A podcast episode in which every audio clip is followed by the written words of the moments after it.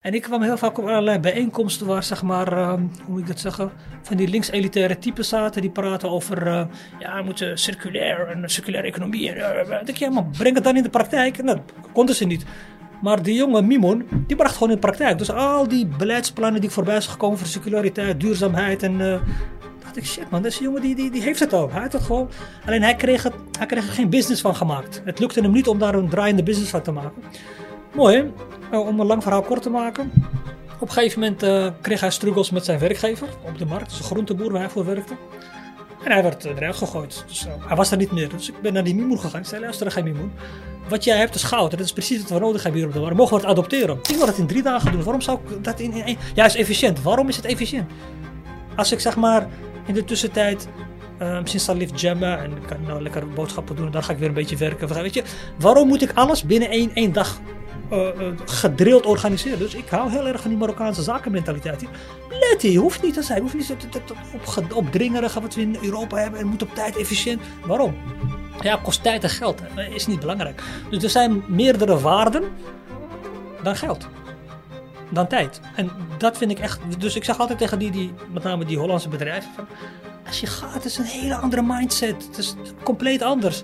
Omdat ik in dezelfde val trapte door al die negatieve ervaringen die ik hoorde, die ik uh, ervaarde. Ja. Dat ik, ja, maar waar ligt het dan aan? Uh, begrijp ik Marokko dan toch niet goed genoeg? Of, of, of uh, is Marokko dan toch een, een raar land? Nee. En dan ga je weer terug in jezelf, dan ga je weer verdiepen. Ik lees veel. Uh, en dan denk je van ja, ik heb het misschien toch niet goed gezien. En, en dat afval, dat af, die, afval, die afvalcase, dat was de afvalverwerking van de stad Tanger. Dat vond ik een hele interessante zaak. Alleen, ik heb er toen heel veel tijd in gestoken. En wat mij zeg maar het meest pijn deed, pijn is een beetje een raar woord, maar waar ik me heel erg over verbaasde, is dat ze in Marokko en, en in Tanger, dan praat ik ook over zeg maar, dat gemeentebestuur van Tanger, zo, staat hier ook met, met de burgemeester van Amsterdam, ging een beetje achterover zitten.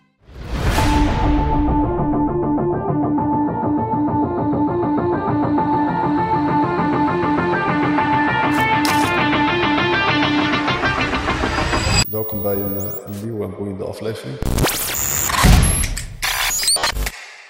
Salam alaikum en uh, welkom bij uh, een nieuwe aflevering. Vandaag hebben we het genoeg om te spreken met Ridwan Boussaid.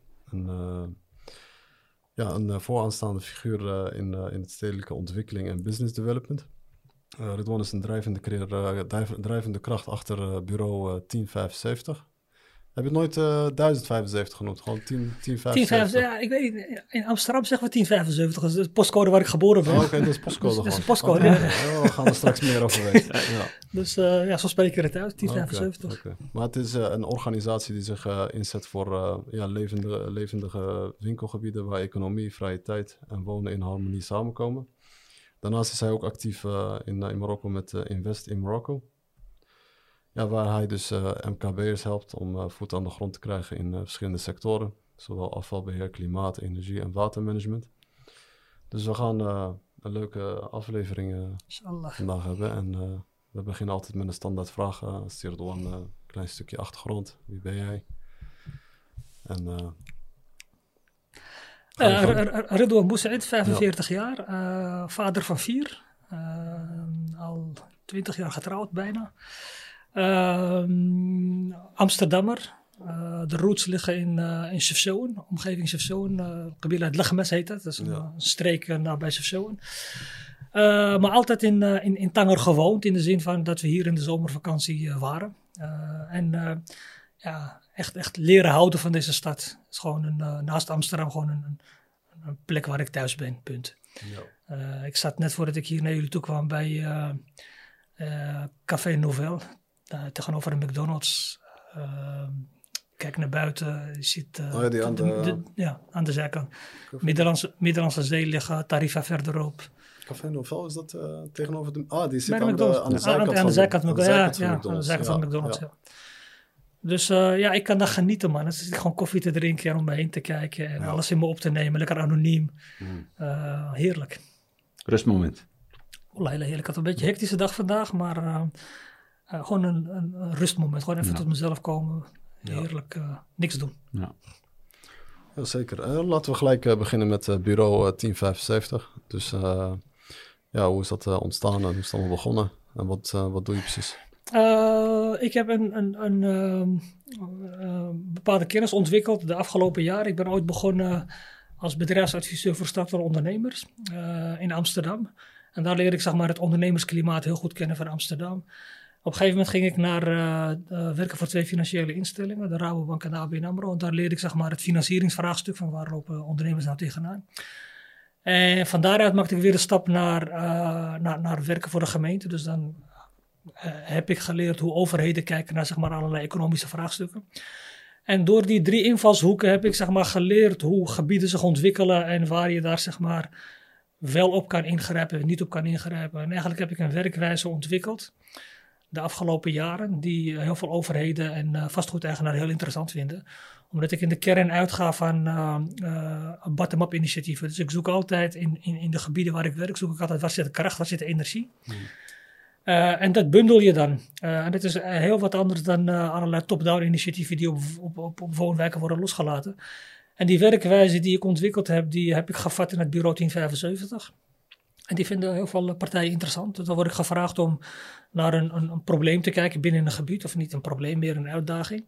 En dan zeggen ze, wil je daar zeg maar, die werkwijze van je op loslaten? En dan, ja, dan, dan ga ik daar aan de slag.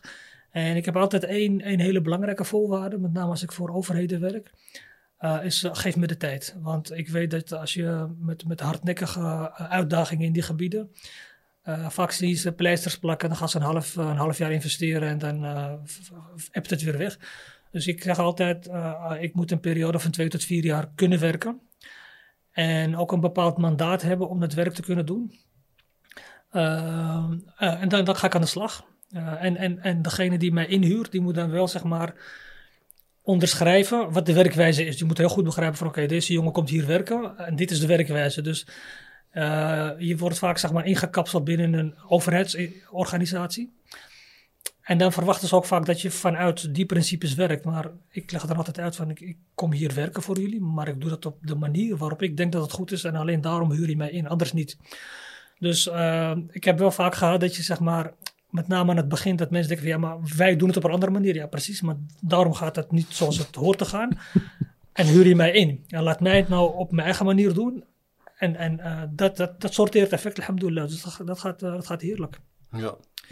Zou je daar misschien een voorbeeld van kunnen opnoemen? Van iets wat je, wat je als uitdaging aangepakt ja, hebt en, uh, en, en ook waarschijnlijk opgelost hebt? Nou, um, Plein 4045, dat is zeg maar het, het, tweede winkelgebied in Stadsdeel Nieuw-West. En Stadsdeel Nieuw-West moet je eigenlijk zien als een, als een soort middelgrote, Amsterdamse, middelgrote Nederlandse stad. Dus net zo groot als een Arnhem of Nijmegen, een beetje, een beetje van die grootte. En Plein 4045 was zeg maar het tweede winkelgebied van, van Stadsdeel Nieuw-West. Je hebt Osdorpplein aan de ene kant en dan heb je Plein 4045. En er waren allerlei uh, allerlei uitdagingen, problemen. En die hadden te maken met uh, uh, organiserend vermogen van ondernemers. Die hadden te maken met afvalproblematiek. Dus er is, er is een, markt bijvoorbeeld op het plein, een hele bekende markt. Die heel druk is. ook de drukste markt qua bezoekers in Amsterdam. Dus nog drukker dan Albert Kuip. Alleen zo'n markt produceerde ongelooflijk veel afval. En de buurt had daar last van en de omgeving had daar last van. En de gemeente die vocht zeg maar, al jaren tegen zeg maar, dat afval en het lukte maar niet. Uh, toen hebben ze mij gevraagd van, uh, zou jij zeg maar in een breder kader kunnen kijken naar hoe we dat met name het afvalprobleem oplossen? En dat heb ik, uh, heb ik mijn eigen werkwijze op losgelaten en dat heeft hele mooie effecten opgeleverd, hele mooie resultaten opgeleverd, alhamdulillah.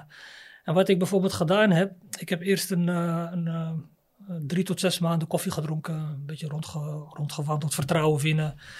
Um, om jullie een beeld te geven. Bij de eh, winkeliers waarschijnlijk. Ah, winkeliers, uh, de jongens op de markt. Uh, gewoon koffie drinken en praten. Wat, wat houd je nou bezig? En, hoe zit er nou voor toe? Maar tegen me, ik, ik heb precies dat, kom je naar me toe? Of iemand zei tegen me van, ik heb een uh, bruiloft. Dus op een gegeven moment gaan mensen je vertrouwen. En dan zeggen ze van, nou, kom eens, kom eens ook in, in, in andere sferen dan de zakelijke sfeer. Daar was ik altijd heel voorzichtig in. Maar ik kreeg vertrouwen van mensen. Als iemand je uitnodigt, dan weet je van, oké, dat, dat zit goed.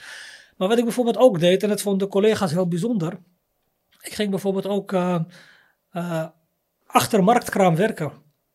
Dus, dus dan stond die jongen bijvoorbeeld zijn tapijten te verkopen. En ik stond daar achter die kraam te werken met mijn laptopje. gemeentekantoor was eh, aan de andere kant van de straat. En collega's liepen langs. Die dachten, wat, wat doet deze gast hier? Hij werkt toch voor ons? Waarom zit hij? En voor mij was dat een manier om zeg maar helemaal connected te raken met mijn omgeving. En uiteindelijk merk je dus dat de oplossing voor wat, wat de overheid zocht, die lag gewoon op de markt. Die gasten hebben het zelf opgelost. Ze hadden al een klein, schaal, klein, klein, klein initiatiefje, wat ervoor zorgde dat er veel minder afval was. Dat initiatief hebben we zeg maar, uh, samen met die marktcoöperatief vergroot. En om jullie een beeld te geven van hoe dat gaat, kijk, uh, de eerste overleggen die ik bijvoorbeeld voerde met, uh, met collega's van de gemeente Amsterdam, er zaten zeven afdelingen aan tafel. De gemeente is heel erg verkokerd georganiseerd. Deze gaat over reiniging, die gaat over afval, die gaat over dit. Het is helemaal verkokerd en, en iedereen werkt een beetje zo langs elkaar heen, tegen elkaar aan. Mooi, er zit niet echt een structuur in. Eerste overleg wat ik voerde, zaten de zeven afdelingen van de gemeente te praten over het afvalprobleem van de markt, maar de markt was niet aanwezig. Toen hakte ik al en guys, het gaat om de markt, toch? Waar zijn die marktkoppelingen? Ja, daar praten we niet mee. Daar ligt de, de oplossing ligt daar, die ligt niet hier, want wij hebben het niet kunnen oplossen. Uiteindelijk, uh, om jullie een beeld te geven wat er gebeurd is. Ik ben heel erg uh, uh, bezig geweest met het thema duurzaamheid. Dus ik kijk ook echt van afval is zeg maar niet een last, maar het kan ook een lust zijn. Dus afval kan iets opleveren.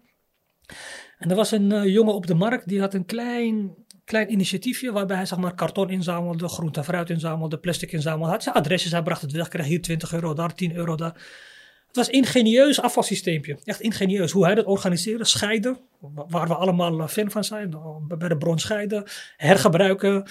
En ik kwam heel vaak op allerlei bijeenkomsten waar, zeg maar, uh, hoe moet ik dat zeggen, van die links-elitaire types zaten. Die praten over, uh, ja, we moeten circulair en circulaire economie. En, uh, denk je, ja, maar breng het dan in de praktijk. En dat konden ze niet. Maar die jonge Mimon, die bracht gewoon in de praktijk. Dus al die beleidsplannen die voorbij zijn gekomen voor circulariteit, duurzaamheid en dacht ik, shit man, deze jongen die, die, heeft het al. Hij had het gewoon. Alleen hij kreeg, het, hij kreeg er geen business van gemaakt. Het lukte hem niet om daar een draaiende business van te maken. Mooi? Uh, om een lang verhaal kort te maken. Op een gegeven moment uh, kreeg hij struggles met zijn werkgever op de markt. Dus een groenteboer waar hij voor werkte. En hij werd eruit gegooid. Dus hij was er niet meer. Dus ik ben naar die Mimoen gegaan. Ik zei, luister, geen Mimoen. Wat jij hebt is goud. Dat is precies wat we nodig hebben hier op de markt. Mogen we het adopteren? Dus de oplossing, ik, ik heb het niet bedacht. De oplossing was er al. Ik heb hem al naar een ander level gebracht. Dus we hebben dat, dat van hem naar een groter level gebracht. En waarbij we zeg maar alle afval van de markt scheiden. En als je dan volumes wil weten, dan krijg je een beetje een beeld van de business case. Wij wisten te realiseren dat er 300.000 kilo groente en fruit niet meer in de afvaloven verdween, maar gewoon circulair verwerkt werd en er werd biogas van gemaakt. En het waren zeg maar termen die ik op een podium ging uitleggen. En dan keken mensen me aan en zeiden ze, maar wacht even, plein 40, 45 gaat toch alleen over jongerenproblematiek en, en, en vrouwen en weet je, dus de overheid was op een heel ander level met die buurt bezig over problemen praten, maar niet over de dingen waar ze in het centrum over praten, waar ze in Oud-West over praten. Terwijl ik dacht, ja, maar wacht even, die, die, dat zijn ook dingen waar wij mee bezig zijn, weet je. Dus ook wij doen dat hier in Nieuw-West. Wij, we praten ook over circulaire economie, we praten over hergebruik en afvalscheiding. En dat was een rare, rare gewaarwording binnen de gemeente. Dus ja, maar weet je, Nieuw-West praat over problemen. Nee, het gaat niet over problemen. Ook hier hebben we afvaluitdagingen. Nou, dus we hebben een systeem opgezet, dat hebben we het Zero Waste Lab genoemd. Dat is gewoon een afvalscheidingsstation bij de markt, waar al het afval van die markt gescheiden werd en circulair gebruikt werd, hergebruikt. Nou, dat deed echt boom in de stad Amsterdam. Het werd op een gegeven moment iedereen, iedereen wauw, wat gebeurt daar? En dan kwamen allerlei uh, wethouders, burgemeesters daar naartoe. Die vonden het echt geweldig wat er gebeurde. Terwijl eigenlijk keek niemand ooit om naar het gebied. Uh, dus dat, dat ding werkt. Dat staat er nu. Dat heb ik uh, een jaar of drie geleden opgeleverd. Maar rondom die markt zijn ook heel veel horeca-ondernemers. Het, is, uh, het wordt in de volksmond ook wel Lidl Istanbul genoemd, dat, dat plein. Dus heel veel, met name Turkse ondernemers, die ook gewoon een afvaluitdaging hebben. Dat ze zeg maar allemaal afval produceren. En als je kijkt, zeg maar, wat ik, wat ik, wat ik in mijn werkwijze doe. Af en toe dan ga ik zeg maar echt de diepte in. Dan ga ik zeg maar echt, echt, echt op, op, op, op de stoeptegelniveau. En af en toe dan kijk ik dus vanuit een helikopter naar het gebied van wat gebeurt er in het gebied. En als je in die helikopter zit, dan zie je de hele dag afvalwagens naar binnen rijden. Bij, bij Mehmet haalt hij een afvalcontainer op. Dan komt weer een ander bedrijf die haalt bij Moment op. De andere haalt bij Kees op. En het is een hele dag komen en gaan van, van vervoersbewegingen van afvalwagens. En, en de, de oplossing ligt weer, weer voor de hand. Dat moet je collectief gaan organiseren. Uh, en wat ik nu doe, dat, dat afvaleiland van de markt, dat werkt. En eigenlijk hetzelfde principe wil ik nu voor die ondernemers gaan doen. Dus eigenlijk wil je voor het hele gebied één grote afvalhub hebben. Uh, en dat, dat, dat, dat soort oplossingen doe ik in nauwe samenwerking met de HVA. Dus die hebben altijd onderzoekers, HVA-studenten die zeg maar onderzoek doen naar allerlei vraagstellingen. Maar ik daag ook de grote afvalverwerkers uit van kom nou eens met een andere werkwijze dan die vrachtwagen de wijk inrijden, want daar heeft niemand wat aan. Weet je, dus die, dan zijn ze elkaar aan het dood concurreren, weet je, Renovie en Icova en, en, en, Milieuservice Nederland. En het gaat, weet je, om de container van je. Het is onzin. En ik probeer zeg maar die, ook die, die grote afvalverwerkers uh, uit te dagen om op een andere manier te gaan werken. Dus ik ben nu recentelijk ben ik, uh, aangesloten bij een consortium van uh, een aantal partijen die met dit soort vraagstukken bezig zijn. Daar zit de Universiteit Wageningen bij, de HVA, ook een aantal duurzaamheidsexperts. En ja, ze hebben mij gevraagd, wil je alstublieft bij ons komen werken, of tenminste in ons consortium komen, om dit soort cases aan het voetlicht te brengen. Omdat wij er in de theorie begrijpen we het wel. Die begrijp ik ook heel goed. Maar de praktijk lukt ons niet. Dus ik zit zeg maar, bij dat soort partijen aan tafel om te praten over hoe je zeg maar, uh, dit, soort, dit soort vraagstukken ook uh, in de praktijk uh, kan brengen. Dus het probleem wordt eigenlijk wel gezien, maar de oplossing is, wordt niet gevonden eigenlijk. Ja, klopt. Terwijl als ik, als ik naar je strategieplan kijk, dan is het eigenlijk, als ik het zo hoor, dan is het wel eigenlijk heel simpel. Nee, het is, het is ongelooflijk complex. Omdat maar je hebt het wel opgelost door jouw strategie. Ja, ja, ja, ja, ja tuurlijk, tuurlijk. Uh, een van de dingen die ik heb geleerd gaandeweg, want eh, weet je, ik, ik, ben een mens en ik ontwikkel me en elke keer leer ik wat meer, is uiteindelijk maakt het een groot verschil wie gaat over het geld. Dat ding is alleen maar gelukt omdat ik via een hele slimme manier, slinkse manier ook, geld binnen heb gehaald voor die marktondernemers. En zij werden de eigenaar van het afvaleiland. En toen raakten ze bij de gemeente in, uh, raakte echt in paniek. Zeiden, ja, maar wij gaan toch over het afval? Dus ik, nee, niet meer. Je ging over het afval, je loste het niet op. En nu hebben die marktkooplieden zelf dat opgelost. En de middelen liggen bij hun. Ja, toen, werd het, toen dacht ik van ja man, dat, dat geld is zo'n belangrijk middel zeg maar, in, in zo'n hele ontwikkeling omdat je de afhankelijkheid omdraait. Dus, dus je zorgt ervoor dat degene die zeg maar, de veroorzaker van het probleem is waar iedereen over praat, je zorgt ervoor dat hij het gaat oplossen en hij ook de middelen beheert. Dat is ingewikkeld. Met name een grote organisatie, de gemeente Amsterdam. Dat we heel veel afdelingen, er werken 18.000 man bij de gemeente Amsterdam. Dus een gigantische organisatie die zeg maar uh, hele toffe dingen doet. Maar qua koerswijziging, werkwijze veranderen, dat is ingewikkeld. Dat is gewoon een mammoetanker en die kan een klein beetje links, klein beetje naar rechts. Daar blijft het bij. Maar zeg maar een, een, een drastische verandering van werkwijze, dat is moeilijk. Man. Ja. Dus dat is even in één kijk in hoe ik zeg maar op, op lokaal niveau ja, bij bureau 1075 dingen oplos. Ja. Hij zou bij ons in de Gnitterna even moeten komen kijken. Vooral daar. Nou, ik heb even een kijk, kijkje in de keuken ja, maar, genomen hier in Tanja. Ja, en uh, ja, ook, ook hier. Ik, uh, ik ben toen naar die afvalstortplaats geweest in uh, Garza del, del Tetuan, del Tanja, richting Tetuan bij die, uh, bij die daar aan de overkant. Schrikbarend, echt schrikbarend hoe dat, er, uh, hoe dat erbij ligt. Uh, medisch afval, bouwafval, groente en fruit, alles door elkaar, de fik erin. Ik heb daar in 2015 was ik daar, of 16 volgens mij, ja, 15, 16 was ik daar voor een onderzoek voor het afvalenergiebedrijf Amsterdam. Om te kijken of we zeg maar Tanja konden helpen aan op een juiste manier afval verwerken.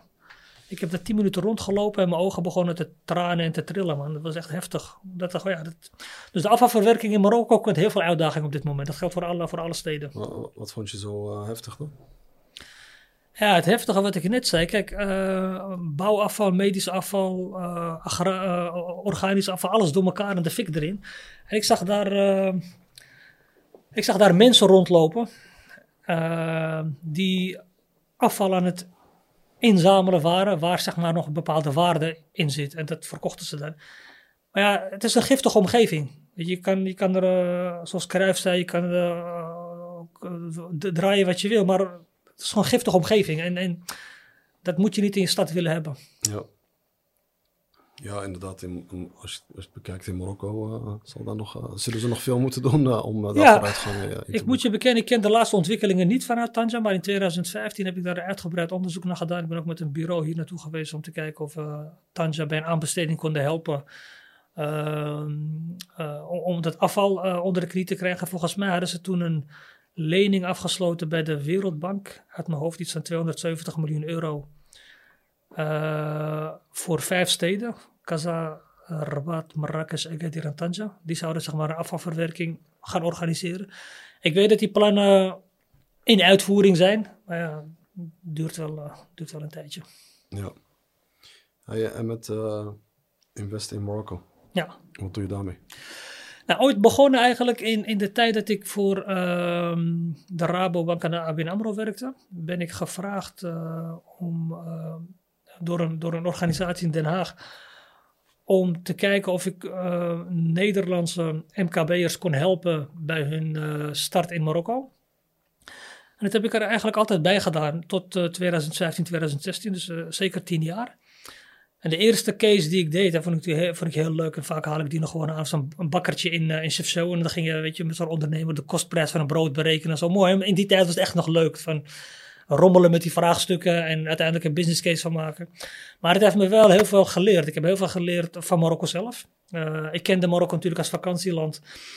Maar ik kwam op een gegeven moment in Casa terecht met, met uh, die Twin Towers en uh, mannen in pak en allemaal Frans. En heel hiërarchisch georganiseerd allemaal. Dat was echt een eye-opener voor mij. Uh, en ik heb ja, in, in, die, in die tien jaar heb ik heel veel MKB'ers begeleid naar Marokko. dus dat, er zat van alles tussen. maar dat doe ik nu niet meer. Ik ben nu heel selectief in wat ik wel en niet voor Marokko doe. Ik heb me gefocust nu op een aantal sectoren die ik echt heel belangrijk vind, waarvan ik denk dat Marokko daar de meeste potentie in heeft. Um, dus ja, dat, dat doe ik nu. Maar die, die tijd was heel leerzaam. Dat je zeg maar als Amsterdamse jongen van wat is het, 5, 26 jaar kwam ik daar in, in mijn pakje ook aangelopen. En moest ik een beetje opboksen tegen die, ja, dat, dat, weet je, die, die Franse cultuur van zaken doen en zo. Dat is natuurlijk heel nieuw voor mij. Maar alhamdulillah, heel veel van opgestoken. Ik heb daar heel veel, heel veel mogen leren. Geef eens wat voorbeelden. Nou, een van de dingen die ik altijd wel fascinerend vond. En ik, ik, we gingen dan uh, kreeg dan een groep ondernemers. Die begeleid ik dan één op één. En dan gingen we echt nou ja, gewoon de business case uitwerken. Iemand had een idee, maar het was gewoon een idee. En dan gingen we het uitwerken en dan kwam, dat werd gegoten in een businessplan. En vervolgens deden we nog een soort van uh, tweedaagse training erbovenop. En dan gingen we met die hele groep naar Marokko. En we gingen toen, altijd in het programma zat een bezoek aan Bank Shabi en Bank El Amel volgens mij. Wist. Nee, Bank El Amel en Dar Daman. Dar Daman was een soort van garantiefonds van de Marokkaanse overheid voor leningen die uh, Bank El Emmer afsloot. Dus Bank El Emmer kon zeg maar leningen verstrekken, maar die had wel een garantie nodig voor als het misging. Dat was Dar Daman. En dan gingen we dan met die groep Nederlandse, vaak ook Marokkaanse, Nederlands-Marokkaanse ondernemers. En dan zaten we daar aan tafel.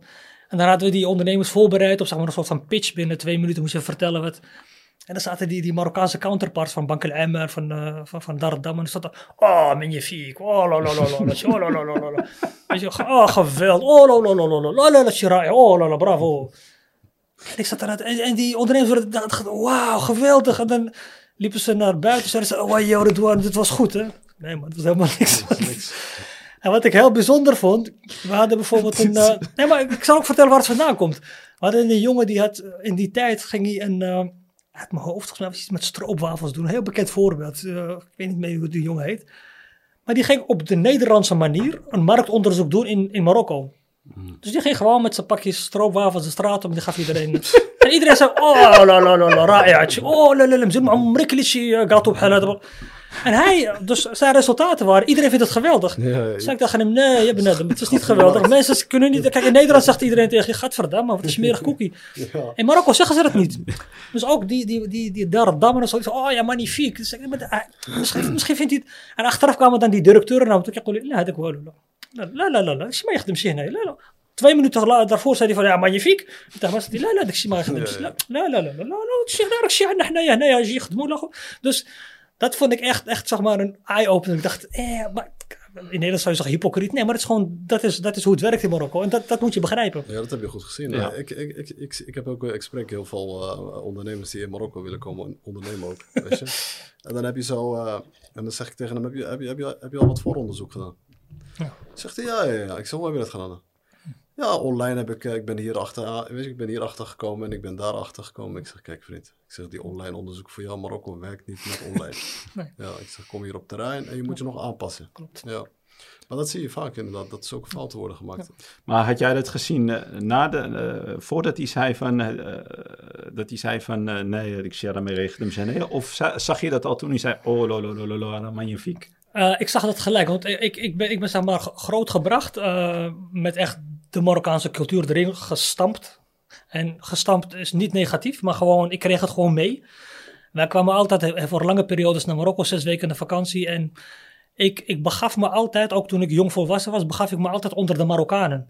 Dus wat je vaak zag gebeuren, dat zeg maar, de, de Nederlandse Marokkanen gingen op vakantie. En dan zag je ze in Marinas meer met z'n allen bij elkaar zitten. In Merten zat ze met z'n allen bij elkaar. dacht ja, blijf dan in Nederland. Hier kom je alleen van de zon, ga lekker naar Spanje. Maar ik was altijd onder de Marokkanen. En door onder die Marokkanen te zijn, zes weken lang, leerde je hoe leuk ze kunnen zijn, maar ook wat hun streken waren. Begrijp? Dus je begreep heel goed van, mm, je zegt A, maar eigenlijk bedoel je B. Dus dat kreeg ik langzamerhand mee. En uh, ik, ik was student dat ik uh, met de auto naar Marokko ging. Ja, ik wist niet van de ene dag waar, waar, ik de volgende dag zou gaan slapen, weet je. Dus dan was je in Tanja, dan gaan we naar Kazachstan, ja, gaan we nog gaan Agadir gaan. Dus ik was door heel Marokko getrokken als, als jong student. Ik was uh, 21, 22 jaar. En dat was voor mij zo een eye-opener, omdat ik zeg maar die Marokkaan leerde kennen. Wat is nou die Marokkaan? Ja, wat, wat, wat wij in, in Nederland kennen, het is misschien een afgeleide, of, weet je, er zitten wel wat elementen in. Maar je bent gewoon West-Europees opgevoed, punt. Weet je, met, met een Marokkaan sausje. En wil je zeg maar voet aan de grond krijgen in Marokko, ja, dan moet je wel die, die Marokkaanse Ja. codes kennen. Ja, ja die training. Ja. Integreren. Ja, Voilà, ja. Dat is heel goed gezegd. bien sûr. Ja.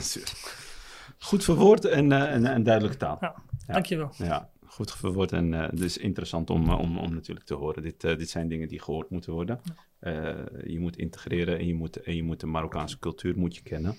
En het kost, eh, ko- kost, eh, kost aardig wat tijd. En misschien ook wat centjes, hoor ik in eh, uiteindelijk je het leren.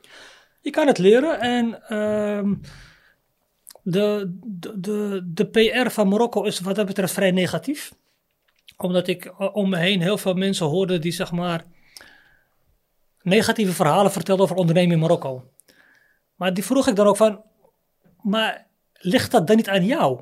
Begrijp je? Dus, dus heel veel mensen komen zeggen, ah, yes, ik ben eh, dit, ik ben bestolen of ik ben dit, ze hebben me geflasht, heel verhaal. Maar ligt dat aan Marokko of ligt het aan jou? Als jij zeg maar blind ergens ingaat of... eh, ik zal even een, een, een, een, een voorbeeld benoemen, dan begrijpen jullie waar ik, waar ik naartoe wil. Ik had een, eh, in die tijd een jongen die, volgens mij, wij al iets van een snackkar beginnen. Hij zag natuurlijk in die zomervakanties altijd die druktes. Zei, ik ga met zo'n snackkar daar naartoe, maar hij had een goede baan. Dus ik zei tegen hem, hoe ga je het organiseren?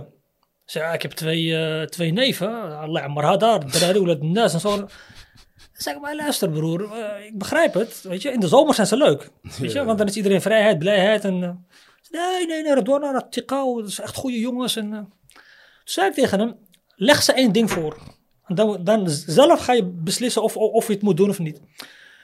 Volgens mij zou alles, kleine rekens, volgens mij was het 25.000 euro zou die hele investering kosten. Mooi, niet heel veel, maar 25.000 euro. Dan zou die die wagen kopen en importeren en een voorraadje aanschaffen. En dan kon hij die gasten beginnen met frietjes en frikandellen bakken. Dat was een beetje het idee. Mooi, maar heel oppervlakkig, maar mooi Alines. snackbar. Ja, snackbar, maar dan... eh, Mobiel. zei ik tegen hem, ga met die twee neven praten. Leen de ene 5000 euro en de andere 5000 euro en geef ze 25% van de winst. Hij, waarom? Goh, Ga nou maar, leg dat ze voor. Want één, ze, hebben een ondernemersrisico en ze hebben een schuld. En hoe harder ze werken, hoe meer ze verdienen. Oké. Zei hij, nee, maar eh, zei kijk, in Marokko houden we van feest. Als er een feestje is, een bruiloft. Ik heb ook gezegd, een sabah. Vier, vijf uur s ochtends, daar gaan we naar huis. Stel je voor, je hebt werkafspraken met je neef. Dat ze om acht uur zeg maar aardappelen gaan schillen en om de volgende. Denk je nou echt dat ze gaan opstaan om acht uur? Zei natuurlijk wel. Ga dit ze voorleggen en dan ga je zelf als je inderdaad, ging naar die neven toe, heeft voorgelegd. Ik heb 25.000 euro investering, ik leen jou 5.000, ik leen jou 5.000, jullie krijgen 25% van de winst. Wat zeiden ze? Heel was af. Ik zei, nee hoor, ah, Kalolo, dit investeren, daar wij gaan wel werken. Toen kwam hij naar me toe en zei, wat moet ik doen? Ik zei, ik ga je niet vertellen wat je moet doen. Je mag zelf je beslissing nemen. Antwoord heb je al Ja, gekregen. het antwoord heb je gekregen. Ja. En uiteindelijk heeft hij het niet gedaan, omdat hij doorhad van, ja, wacht eens even. Ik draag alle risico's. Ik ben hier mezelf aan, aan, donaat aan het werk om weer 25.000 euro te, te, te verdienen. En zij gaan eh, straks naar een bruiloft en blijven tot vijf uur eh, liggen. Die gaan echt niet om acht uur werken. Ja. Dus dat was voor hem een eye-opener. Ik weet niet of hij het uiteindelijk gedaan heeft, volgens mij niet. Maar hij heeft me wel, eh, mooi, hij heeft wel bedankt. Zei van, ja, je geeft me wel een inzicht wat ik niet had. Ja, Ja, maar je hebt gelijk hoor. Je ziet heel veel... eh, je hebt, En eh, dit is, dit is bij dit is zeg maar toepasbaar op, op, op kleine ondernemingen, maar ook op grote ondernemingen. Ja, ja. Oh. Maar je hebt, je hebt inderdaad eh, in de afgelopen, ik denk, tientallen jaren, zijn er veel ja, wereldmarokkanen in Marokko geweest die hebben geïnvesteerd. En ik denk ook wel dat misschien acht of negen van de tien gewoon heeft gefaald. En, en dan is inderdaad altijd wel een hele goede vraag van, was het jouw fout of was het, eh, was het, eh, Precies. was het eh, de schuld van Marokko? Ja. En inderdaad, er zijn, er zijn bepaalde aspecten aan Marokko die, ja, weet je, dat, dat, dat is een feit. Daar moet je rekening mee houden. Maar weet je, en, en die mensen, het, het vervelende is, die mensen kwamen dan naar Nederland terug. Helemaal belut, helemaal leeg, waarschijnlijk ook nog met schulden. En dan gaan ze negatieve verhalen over Marokko vertellen. Ah, Marokko. Dan denk ik, ja, als jij een beetje nuchter was en een beetje... eh, Als je met een geit gaat lopen hollen achter alles wat beweegt, ja, dan krijg je dat. Maar als je zeg maar Ja. goed nadenkt in een bepaalde strategie en je hebt een goed netwerk. En, en ik zeg altijd, wat wil je? Heel veel, heel veel eh, eh, mensen uit Nederland die ik begeleid heb, die wilden dan van de lusten van Nederland en de lusten van Marokko. Dus dan, ik wil in Nederland blijven werken met sociale zekerheid, vangenet, bla bla bla bla bla bla. En, en ik wil ook in Marokko ondernemen. Dus nee, als je wil ondernemen in Marokko, dan moet jij 's ochtends die rudy openen en s'avonds dicht doen. Maar je moet niet de lusten willen van Nederland en van Marokko. Dat, in 9 van de 10 keer werkt dat gewoon niet. Dus geef je over aan Marokko, ga er vol voor, maar pak wel je koffer en ga daar naartoe. Ja, dat, dat, dat, daar Helemaal- ook wel helemaal mee eens. Ja, toch? Helemaal mee eens. Ja. Ik zeg ook altijd, nee, eh, Marokko is een identiteit. Ja. Leer die identiteit kennen. Klopt. Ja. Pas je aan. Ja. En integreer, zoals uh, Suzanne ook zei. En, en, en, dan kun je, en, en hoe jij het net zei, Ja. ja. dan, kun je, daar, daar, daar kun je wel een succes gaan Ja. behalen. Ja. Maar een been hier en een been daar en eh, af en toe op en, eh, en af en toe neer. Ja, voor, voor korte, korte tijd Hm. zou het, zou het mogelijk, mogelijk zijn om die, En die, in welke sector die, stap, die Ja. stap te maken en in welke sector. Ja. Maar, eh, maar eh, om succes te zijn is, is Maar als je, als je eh, praat, ik, ik zag ook bewust het voorbeeld van een riddle. Als jij een riddle hebt, dat betekent dat je een fysieke locatie hebt. Ja, sorry, maar dan moet je gewoon openen. Kijk, we, we kennen allemaal het principe, als de baas op de vloer is, werkt iedereen harder. Zodra de baas weg is, dan gaan mensen eerder terug naar huis, gaan mensen zeggen, eh, weet je, maar zodra de baas er is, is iedereen eh, geconcentreerd aan het hollen en maar de baas is weg. Dan gaat iedereen een beetje in wat rustiger van de vijfde naar de vierde versnelling of naar de derde versnelling. Ja, dat klopt. Ja. Ja, dat is waar. Maar dat zijn goede tips die, eh, die je mensen hebt gegeven. Ja, Habib, die eh, ik draag bagage met me mee. Ja, Ik- het ik, ik, ik, dat zijn, echt goede tips. Alhamdulillah. En, eh, een ware tips ook. Gewoon, dat zijn feiten. En zijn er nog meer problemen die je dan echt tegenkomt? Bijvoorbeeld met onze Marokkanen in Nederland, die dan zo plannen hebben om, eh, om te gaan ondernemen in Marokko. Wat hoor je, nog, hoor je wel eens meerdere, meerdere dingen waar je denkt van... eh, Ja, kijk, ik, ik heb eh, eh, eh, ik, niet, niet Nederlandse Marokkanen, maar, maar heel veel met Nederlandse bedrijven. Die zeg maar naar Marokko eh, wilden komen met, met, een, met een bepaalde technologie of met een bepaalde dienst. Eh, ik merkte dat die zeg maar op een... eh, jullie kennen Tante S toch? Van, eh, van eh, Jurgen Rijman. Tante S, ja. Ja. Tante S begon altijd, als ze iemand aan tafel had, begon ze altijd met wist je papa, wist je mama. En die mentaliteit, wist je papa, wist je mama, die moest ik met name Nederlanders uitleggen. Als zij naar, naar Marokko kwamen, dan hadden ze ter voorbereiding met mij, gingen ze dan zitten en zeiden van ja, deze tien dingen wil ik binnen een week opgelost hebben. Dan zei ik, maak een top drie. Nee, ik was alle tien. Maak een top drie. Want je gaat ze niet aan, maak een top drie. En dan kwamen ze naar Marokko, ondanks dat ik nadrukkelijk gezegd van top drie, want die tien dingen ga je niet oplossen. Niet in één week. Dan kwamen ze dus en dan gingen ze die, eh, die, die, geforceerd wilden ze dus die, die top 10 toch nog gewoon helemaal gaan realiseren. En dan zaten ze met die Marokkaanse counterpart. Marokkaanse counterpart, je, je, je nodigt hem uit voor een, voor een lunch. Hij gaat aan tafel zitten, wist je papa, wist je mama. Daar begint die Marokkaan mee. En die Hollander, ja, maar eh, I'm here to do some business with you. Zo. Nee, wist je papa, wist je mama. Weet je, die Marokkaan gaat geen zaken met je doen als hij niet weet wie je bent. En, dus heel gechargeerd, wist je papa, wist je mama. Hij moet weten met wie hij aan tafel zit. Dus in, in, in Nederland doen we op een andere manier zaken dan dat we in Marokko doen. Marokko ga je lekker lunchen met elkaar. En dan had je dus tijdens zo'n lunch, dan zei die gast... Oh, zit toch hotel, eh, eh, ik ga weg. Dus kijk die Hollander, man, maar we moeten nog... Rustig, eh, Johan, drink je koffie, weet je, we letten, we gaan... Zo. En dan ging hij weg en dan belde hij de avond van... eh Redouan, wacht maak ik de Hollander. Ah, wacht. Ajibel, ik ben aan het dineren en moet uitverlenen. Dan ging ik met die Hollander. Zei, maar, ja, maar ja, ja, ik ben een beetje moe. Nee, hij nodigt je uit. En dan ging ik nog een keer. We avond. En dan bleven we tot 11 uur, 12 uur zitten. En toen die Hollander ongeduldig geworden. Van, ja, maar eh, ja, ik wil wel, ja... Rustig, diep ademhalen. Het komt wel. En dan de volgende ochtend gingen we ontbijten met die man. En dan werd je het bedrijf uitgenodigd. En op een gegeven moment na vier, vijf dagen, maar dan had je het bijna, was die week al bijna op, heb je nog niks gedaan. Ja. Je hebt alleen maar koffie gedronken met die, met die... En pas bij die vier dacht ik, als je... Geen miljoen. Wat wou die ook alweer precies doen? En dan ging, weet je, dus... En dan ging ik met die, eh met die Hollanders zitten. Dus ik van, ja, nu kan je... Ja, maar wat verdikke, maar ja, ik heb nog twee dagen. Godver, ja. Ik, Nee, maar... Dus geforceerd zaken weer door. Alles gaat hier traag. En traag is echt, ik, ik benadruk dat is niet negatief. Traag is relaxed. Wallah, ik hou er echt van. In Marokko gaat alles traag. Heerlijk. Waarom? In, in, in West-Europa zijn we gedrild. Gedrild, alles op tijd, moet efficiënt. Moet. Waarom? Waarom kan ik over iets niet drie dagen doen in plaats van één? Waarom moet ik er één dag over doen?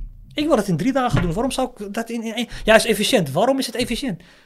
Als ik zeg maar in de tussentijd uh, misschien Salif jammen en ik kan nou lekker boodschappen doen en dan ga ik weer een beetje werken. Weet je, waarom moet ik alles binnen één, één dag uh, gedrild organiseren? Dus ik hou heel erg van die Marokkaanse zakenmentaliteit. Let je hoeft niet te zijn, hoeft niet te, op, opdringerige wat we in Europa hebben en moet op tijd efficiënt. Waarom? Ja, kost tijd en geld. Is niet belangrijk. Dus er zijn meerdere waarden dan geld. Dan tijd. En dat vind ik echt. Dus ik zeg altijd tegen die, die met name die Hollandse bedrijven: van, als je gaat, is een hele andere mindset. Het is compleet anders. En wat ik ook wars van ben, en dat zeg ik ook heel vaak. Ik ben heel selectief in wat ik wel en niet aanneem op dit moment. Dus ik zit in een aantal sectoren die ik belangrijk vind. Voor Marokko met name. En ik zie zeg maar de potentie van een land als Nederland, wat voor kennis ze daarop heeft. Maar ik kijk bijvoorbeeld ook heel erg naar als iemand hier in Marokko wil komen ondernemen, laten we gewoon een Nederlands technologisch bedrijf, een bedrijf in de agrarische sector. Uh, ik kijk naar uh, wat komen zij brengen. Ik kijk naar, uh, zijn ze er niet op uit om alle resources uit het land te trekken? Dus heb jij respect voor mens, natuur uh, en omgeving en cultuur? Dan wil ik de business case, dan wil ik naar luisteren van wat jij wil gaan doen. Maar die waarde vind ik zo belangrijk. Als iemand tegen mij zegt, Ridouan, ik wil naar Marokko, er zijn goedkope arbeidskrachten en uh, er is heel veel water en er is heel veel uh, zon en er is heel veel... Ja, maar dat kom je dus halen, vriend. Je komt alles halen. En ik wil dat als jij naar dit land komt, moet je dingen komen brengen. Want Marokko heeft tien van jou of twintig van jou. Je, je, bent niet uniek. En ik kijk dus heel goed, als er een business case is, kijk ik heel goed, wat komt iemand brengen? En als je alleen maar komt halen, en het komt, weet je, vanuit zo'n koloniale gedachte. Je ziet heel vaak, zeg maar, Nederlandse bedrijven. De een of andere manier zit dat een soort in, in het DNA verwoven. Dat het belerende vingertje van, ik kom ze daar wel vertellen hoe het moet. Nee, nee, nee, we weten precies hoe het moet. Ja? Alleen, in Marokko ontbreekt het soms aan bepaalde technologieën, aan bepaalde middelen, aan bepaalde, weet je, bepaalde inzichten. En dan is het goed als je daar naartoe komt. Maar als jij naar dit land komt en je wil het leegtrekken omdat het hier goedkoop werken is en de, alles is hier behapbaar, maar je wil zoveel mogelijk halen en weg. Dat, ik doe daar zelf niet eens aan mee. Dus ik van ja, sorry, maar dan moet je naar iemand anders gaan. Ik, ben heel kieskeurig met wat ik wel en niet doe. En dit soort dingen, die vind ik echt belangrijk. Want ik, ik, uh, Marokko is een land dat lang gekoloniseerd is geweest. En, en die zeg nu aan het, aan het lostrekken van al die koloniale machten en alles wat daar omheen speelt. En die groeit naar een soort van vrije rol, vrije ontdekking van waar wil ik naartoe als land. En je ziet zeg maar in die energiesector dat er ongelooflijk veel mogelijkheden liggen. Waterstofontwikkeling, weet je. Marokko is een voorloper in de wereld. Dat vind ik ontwikkelingen die, die echt belangrijk zijn voor Marokko. En ik wil niet dat daar partijen komen die dat komen halen en, en Marokko leeg achterlaten. Dat wil ik helemaal niet. Dat doe ik niet aan mee. Ja. Dus dat is mijn liefde voor Marokko. En ik ben ja. heel selectief in wat ik uh, daar wel of niet naartoe breng. Met wat voor klanten werk je nu momenteel? Kijk, ik, het zijn niet klanten. Ik, ik krijg business cases voorgelegd. En uh, nagelang zo'n case interessant is en hij voldoet aan de voorwaarden van ik denk, ja, binnen die kaders wil ik werken. Uh, nu ben ik bijvoorbeeld, uh, ik ben gevraagd om een, Marokko heeft een, grote uienproductie. Om even een hele duidelijke case te benoemen. Uien- en aardappelenproductie. Marokko is vrij groot. Gecentreerd in de regio Mekines-West. En ik ben gevraagd door een partner van mij hier om mee te denken over hoe we die traditionele manier van opslag dus ze gaan op het moment dat die uien oogsten, gaan ze op een hele traditionele manier opslaan. Ze bouwen van die, van die stenen. En dan doen ze die uien in en dan doen ze een zeil eroverheen. En 30% van, van, van de oogst gaat verloren. Altijd. Het is gewoon derving, keiharde derving. Je hebt uh, miljoenen liters water bedorven en uh, uiteindelijk is 30% van, je, van je oogst gewoon verloren. En in Nederland zijn een aantal bedrijven, er is er eentje die is wereldleider, die heeft een bepaalde technologie ontwikkeld juist voor uien. Dus ik had hele specialistische kennis, dus niet zeg maar een opslagunit van nee, iemand die echt een technologie ontwikkeld heeft voor de uien. En die zorgt ervoor, ja, ik leer elke dag van die, van die mensen. Ik vind het geweldig. Een ui heeft bijvoorbeeld zo de kasba. En in, in die dingen zit water. En die technologie zorgt ervoor dat het water eruit wordt gezogen. En dat die, dat die ui langzamerhand droog wordt. Waardoor die langer meegaat. En waardoor die boer daar veel meer profijt van heeft. Uh, en dat vind ik dan belangrijk. En, en dan kan die boer ook een betere prijs vragen voor, voor zijn producten. Uh, en het is een consortium waar ik mee werk van een Nederlands bedrijf, die is wereldleider in die technologie. En een Belgisch bedrijf die die, die, die bunkers bouwt, die, die die grote opslagunits bouwt. En die case ben ik nu aan het uitwerken samen met een partner van mij, die zit in Casablanca. En daar, nou, werken we dus aan. En dat vind ik een hele, een hele interessante case, omdat het zeg maar echt wat brengt uh, voor het land, voor, voor, voor die boer. Uh, maar ik vind het ook belangrijk dat je die boer op een zodanige manier positioneert. Dat zijn, levens, uh, uh, zijn levensonderhoud beter wordt. Dus dat, zeg maar, dat hij beter verdient, een beter perspectief heeft dan gewoon verbouwen en wachten tot iemand het komt kopen. Ja, en heb, en heb je al zo'n case afgerond? Uh, nee, kijk, ik, ik heb natuurlijk tot 2015, 16 met Marokko gewerkt. En toen ben ik ermee gestopt. Okay. Het afval, was ik het afval van Tanja was het laatste wat ik deed. En eigenlijk ben ik eind vorig jaar ben ik weer begonnen. En dit was eigenlijk de eerste case okay. die ik weer opgepakt heb. En die we nu zeg maar aan het afronden zijn.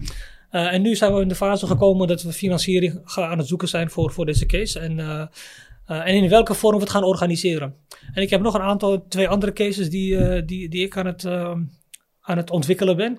En nagelang de situatie ben ik daar alleen zeg maar aanjager van. Of aandeelhouder, dan stap ik er zelf in. Dan denk ik van, dit is een hele interessante case, daar wil ik zelf eens instappen. Of ik organiseer de financiering, die wordt betaald voor mijn uren en uh, leg af les al Dus ik, ik zit er op verschillende manieren in continu, maar ik, ik behoud de vrijheid voor mezelf om te zeggen, deze case doe ik wel, deze doe ik niet. En als ik hem doe, op welke manier ga ik er dan in zitten? En ik, ja, ik ben daar vrij, uh, ik zit aan het stuur. Nou, dat is voor mij even belangrijk. Dus, dus dat ik niet uh, gestuurd word, maar ik zit gewoon aan het stuur. Ik bepaal zelf of ik ergens instap en hoe ik erin stap. Ja. Serdwan, als we even teruggaan naar uh, Nederland toe. Ja. Ik bedoel, uh, jij zit daar, uh, over het grootste gedeelte van je tijd zit je nog steeds daar. Hoe zit het uh, dan met het, het klimaat, vooral bij jou in je netwerk?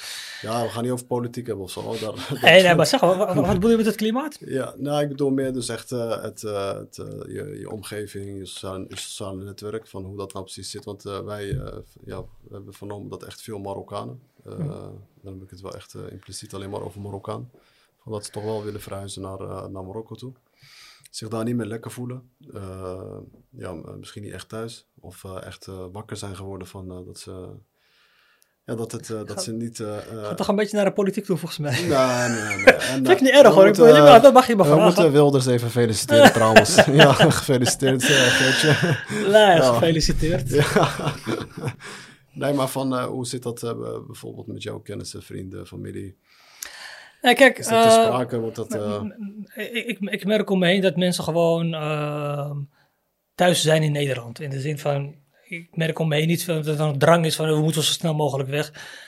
Ik denk dat degene die roepen we willen zo snel mogelijk weg, ook degene zijn die niet inzien waar het land voor staat en, en welke mogelijkheden er zijn. En, en, vaak ook niet begrijpen wat er in, Mo in Marokko nodig is om, om, om, om, uh, om, om, te kunnen, om te kunnen overleven. Wat je vaak ziet is dat uh, er enclaves ontstaan. Uh, in Marrakesh heb je een groep Nederlandse Marokkanen die dan onder, aan het ondernemen is en dan in hun vrije tijd ook nog met elkaar zitten. Denk ik. Weet je, ik vind, het, ik vind het bijzonder. Ik vind het goed dat mensen zeg maar, de stap maken en dan kan Marokko gaan en ga je dan elkaar weer opzoeken. Ja, dit is die, die Hollanders die in Benidorm een broodje kroket gaan halen bij, bij weet je. Dus dat principe hebben wij Marokkaan ook geadopteerd. Dan gaan we elkaar weer opzoeken in mijn omgeving merk ik niet dat er zeg maar, echt mensen zijn die zeggen van oké, ik uh, ga mijn koffers pakken. Ik heb postte gisteren wel een foto uh, van mij op Schiphol. En toen zei ik uh, adios muchachos, back, to Morocco. En gaan mensen reageren van... en wat ik dat wel bijzonder vind... De, de Nederlandse mensen in mijn netwerk, die appen me dan. Ja, ja vreselijk, ja, die verkiezingsuitslag. Vreselijk. maar niet vreselijk. Het zat eraan te komen, toch? Ja, ja, vreselijk, moeilijk ik bij mezelf, waar zat je dan twintig jaar dat je zeg maar nu het ineens vreselijk vindt? Waar was jij twintig jaar geleden toen ik voor de tiende keer geweigerd werd bij die discotheek omdat ik naar binnen mocht? Waar was jij toen de vijftigste sollicitatiebrief op niks uit? eh, en nu ineens, twintig jaar na dato, en uh, waqa'atil waqi'a zoals wij zeggen, dan vind je het ineens erg? Ik vind het helemaal niet erg. Ik begrijp precies wat het is. Ik zag het al aankomen, jij niet. Maar het zegt heel veel over hoe, hoe de perceptie in Nederland is over dit soort uh, bewegingen. Maar doelde jij een beetje op de politiek of uh, Ja, ik in het algemeen? Nee, ik in het algemeen. Ah, oké. Ik laat hem Ah. De- Ik denk dat eh, de, de vraag meer eh, Nee, bedoeld was voor in het algemeen. Niet, ja, het was Ah, niet eh, politiek gericht. Dus als je vraagt eh, mensen in mijn omgeving, ik, ik zie niet mensen zeg maar, die de drang hebben om te zeggen van ik moet nu mijn koffer pakken, ik ben weg. Nee. Nee, niet zo, niet zo. Nee, maar in jouw sociale contacten, Ja. of, Ja, jij, of, ja, je- kijk. of jij wel, wel eens voelt, eh, als, alsof de drang Ja.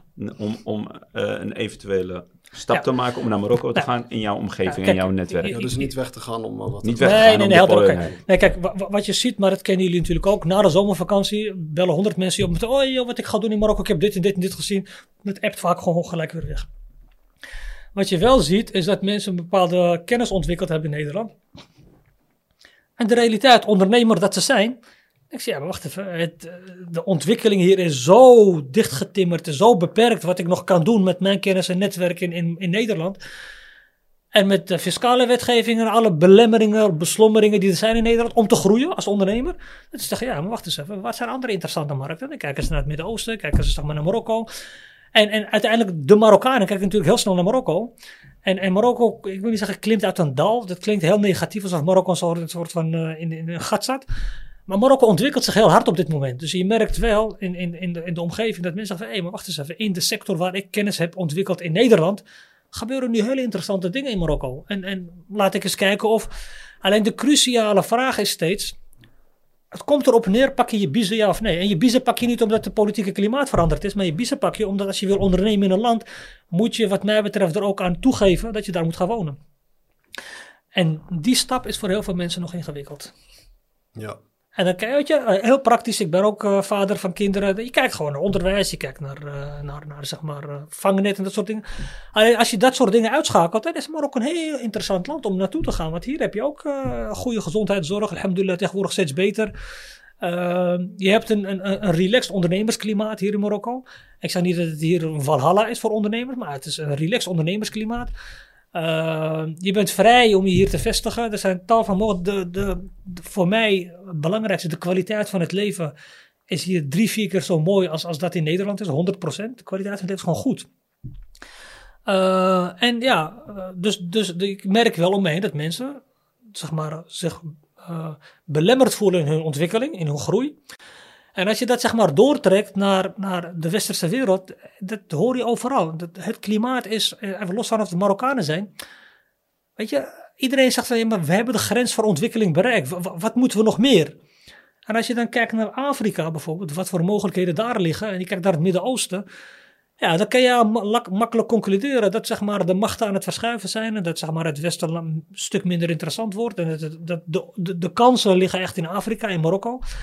Marokko heeft natuurlijk zo'n mooie strategische ligging.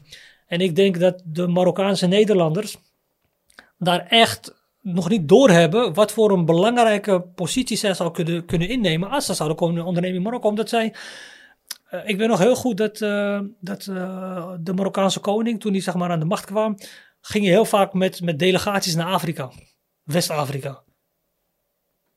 Ik las toen die commentaar van, wat doet hij dan? Waarom gaat hij niet naar Amerika, naar Canada, naar Europa? Nee, nee, nee, nee. Heel goed begrepen dat de toekomst ligt daar.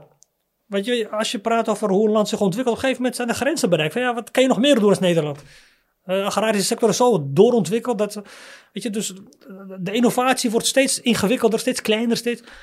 Als je kijkt naar Afrika en Marokko, het is een, een, En nu merk je dat de, de Marokkaanse financiële sector heeft in die tijd wortel geschoten in Afrika. De, volgens mij, bank uh, BMC uh, heet nu de Bank, bank, bank d'Afrique, volgens Bank mij. of Afrika. Ja. ja.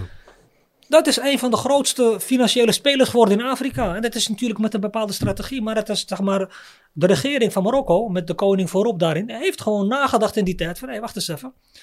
Daar liggen de mogelijkheden. En nu zijpelt dat een beetje door in de westerse wereld. Omdat mensen om zich heen kijken. Denken van, en dan kijk, redeneer ik weer terug naar mijn eigen omgeving. De mensen die zich willen ontwikkelen. Zeggen, ja, maar klaar. Kan niet meer, man. En dan kijken ze om zich heen. En dan zien ze, hé, ik Marokkaanse roots. Marokko, poort van Afrika. Afrika, West-Afrika. Wat gebeurt er allemaal? En als je daar zeg maar op gaat inzoomen, wauw man, dan, is, dan, dan, dan ligt er zoveel te doen in, in dit deel van de wereld op dit moment. Ik zou bijna zeggen, je bent gek als je nog in Nederland beleidt. begrijp je? Ja, maar serieus. Dus, eh, als je echt kijkt naar vanuit ondernemersgeest beredenerend, ja, er ligt zoveel te doen. Alleen ja, je moet wel uit die luxe bubbel stappen.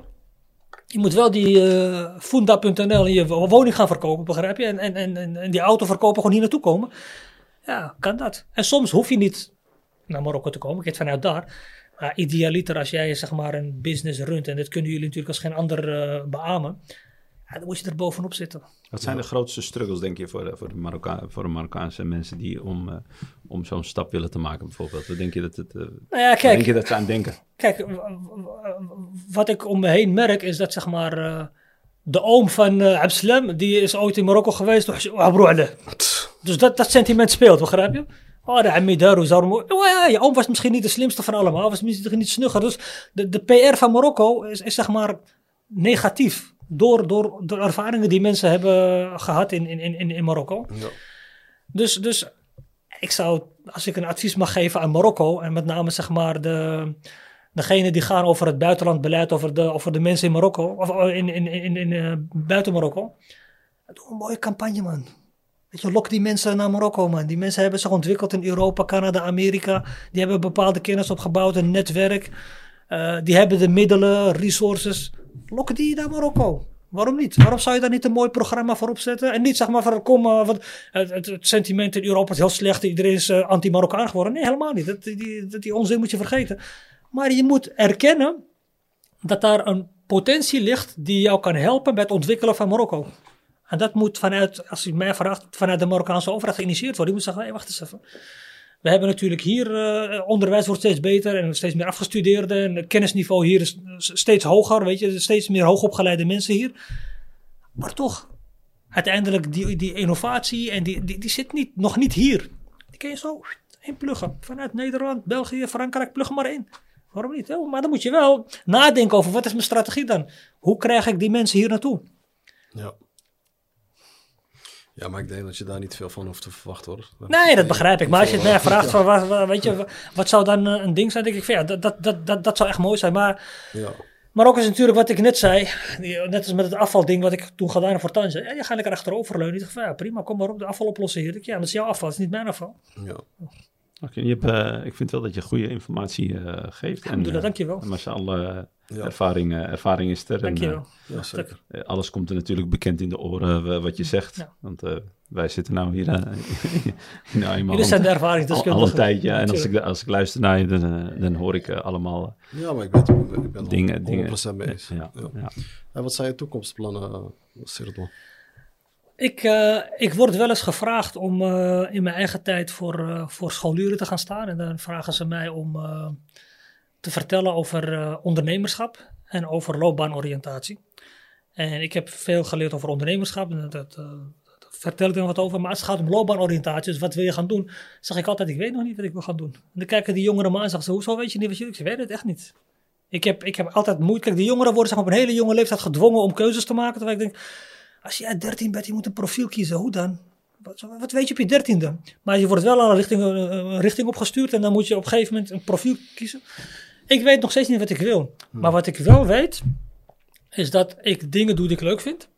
Dus ik zoek de dingen die ik leuk vind, waar ik energie van krijg. En alhamdulillah kan ik me dat permitteren. Dus dat is gewoon een, een luxe. Maar ik zoek de dingen die ik zeg maar graag wil doen en daar zet ik me voor in. Dus ik doe echt de dingen die ik leuk vind. En het is niet zeg maar omdat ik eh, zeg maar financieel binnen ben, helemaal niet. Maar ik heb, me, ik heb geleerd dat ik energie krijg van de dingen die ik leuk vind. En op het moment dat ik ze leuk vind, zit er een andere energie in, zit er een andere ontwikkeling in. Is het resultaat altijd beter dan als ik iets met tegenzin doe.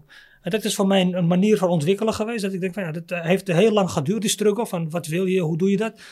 Maar ik krijg energie van dingen die ik leuk vind. En die ga ik doen en dan is het resultaat altijd beter dan... dan eh. en, en, en hollen, ik bedoel, ik ben iemand die... is- Mijn hoofd is de hele dag aan. Af en toe moet ik mezelf echt dwingen om, oké, even rust nemen. Bij eh, Hotel of bij Café Novel, even, even koffie drinken. Gewoon even, Even op rust komen. ja, even op rust komen. Dus wat ik wil, mijn toekomstplannen, alleen naar af. Ik, ik weet wel, daar krijg ik energie van, dat ik eh, leuke projecten wil doen in Marokko. En dat ik gewoon, zoals nu, vier, vijf keer, zes keer per jaar naar Marokko kom. Om die dingen te realiseren. Uh, en ook gewoon plezier hebben. Ik vind Marokko is een land waar je zeg maar, goed zaken kan doen. Maar ik kan ook genieten van het leven. Ik geniet echt van die kleine dingen hier. S ochtends in een cafeetje, lekker ontbijtje met lbaitat en koffie. En heerlijk. Kan in Nederland ook, alleen de omgeving is anders. De vibe is anders. Dus ik geniet daar heel erg van. Ja, ja ik, ik kan wel begrijpen. Ja, dat begrijp ik voorkomen. Dat heb ik ook hoor. Nog steeds. Dat is even, ja. Maar die 1057, dat was... Dat 1075. 1075. Ah, ja. weet je waar ik zat? Ik zat op 1061. Oké, okay, het werkt al. Dat is uh, over het Amsterdam toch? Ja, dat is vlakbij. Dus uh, 1075 is... Uh, ik vind het eigenlijk wel een goed, een goed idee geweest. Dus, hoezo in 2015 dacht je van... of ik stop er even mee? Want uh, ik vind... Kijk, ik had... ik had, ik had uh, invest in Marokko. Ja, invest in Marokko. Ik, ik, ik, ik had... Ik had uh, ik, ga, ik, ik, onderbouw het nog ja, eventjes. Want ik denk van, als jij, als jij buiten het verdienmodel, is het ook een, een, een, een goedheid.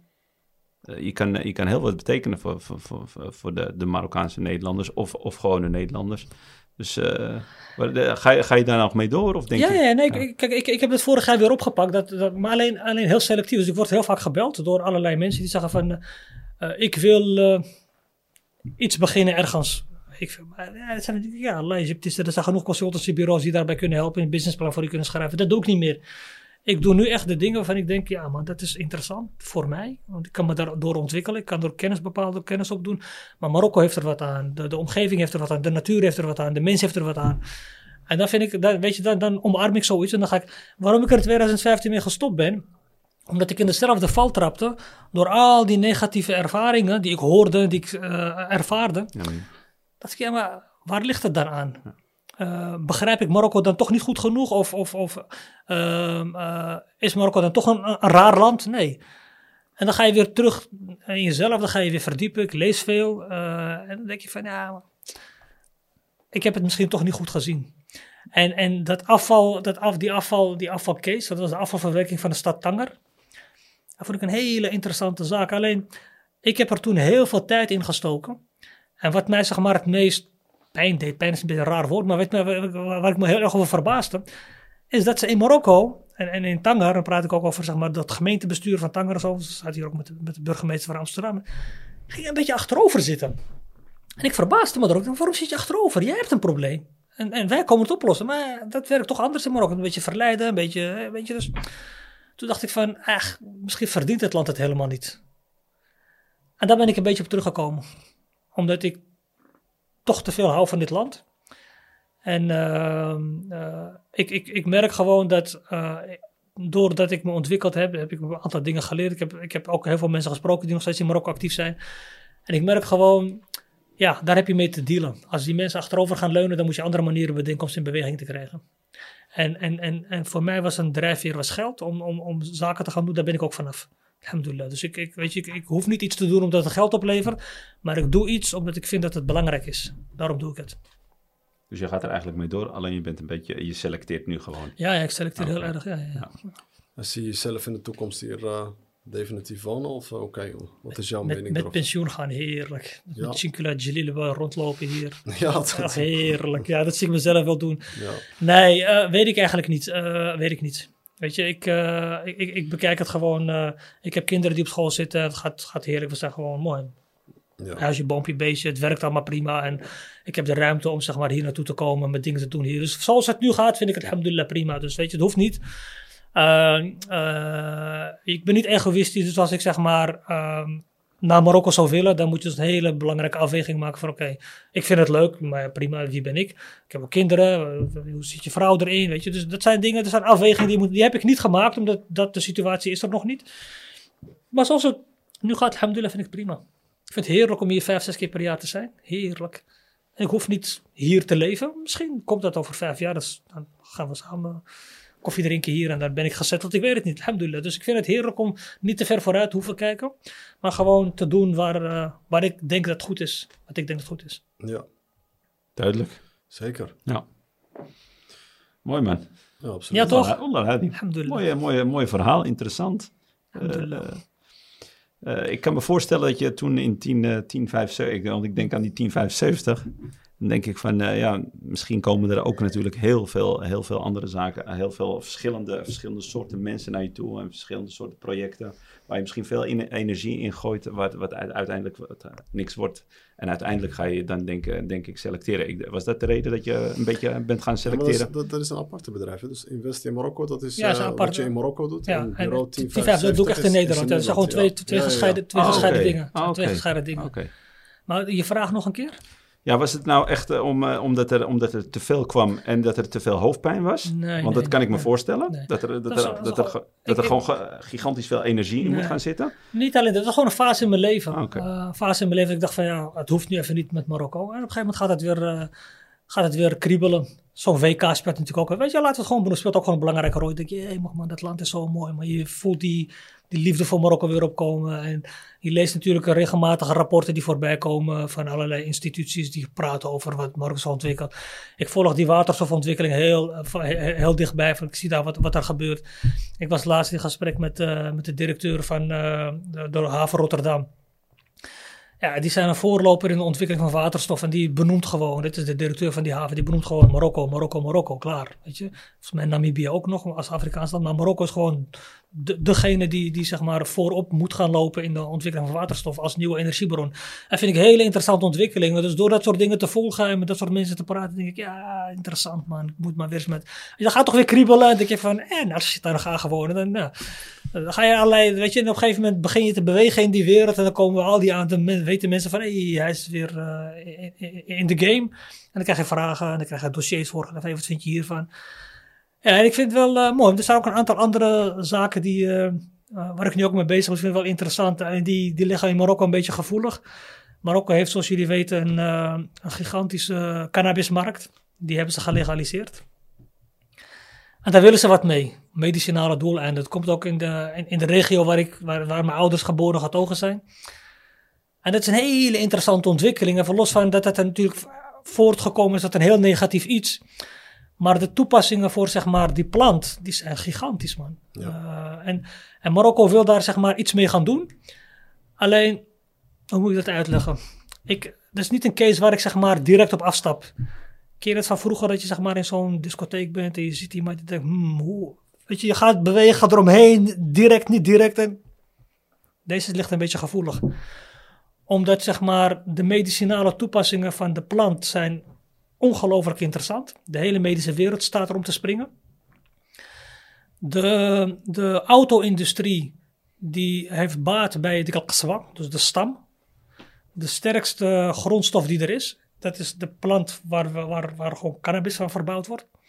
Dus er liggen zeg maar gigantische hoeveelheden kansen. Alleen, het is natuurlijk een, een semi-legale, illegale markt, begrijp je? Dus om, om, om daar zeg maar direct op af te stappen, ik vind ik heel ingewikkeld. Maar ik heb er wel een visie op, over hoe je zeg maar zoiets ontwikkelt. En ik denk zelf dat je die industrie, je hebt in, eh, in Tanger heb je een gigantische auto-industrie. De Renault zit hier en nog een aantal andere. Het is natuurlijk ideaal dat je gewoon een grondstof hebt liggen. Die gewoon direct, zeg maar, in een afstand van 100 kilometer bij de fabriek kan zijn. Dat is Ja. ideaal, want de grondstof waar ze dashboards van maken. En, eh, alleen het is een. Ik, ik, Ma- Marokko heeft gewoon een aantal gebieden aangewezen. Acht gebieden waar ze zeg maar. Alleen ik denk volgens mij moet je die industrie hier houden. En je moet het zeg maar niet Italiaanse, Spaanse, Franse bedrijven die, die, die handel komen laten halen en in Frankrijk verwerken. Ik denk dat je hier fabrieken moet opzetten, werkgelegenheid creëren. En mensen, dan praat ik over die boeren langzamerhand uit dat gedoogmilieu, want dat is het, het is een gedoogmilieu, uit het gedoog, gedoogmilieu halen.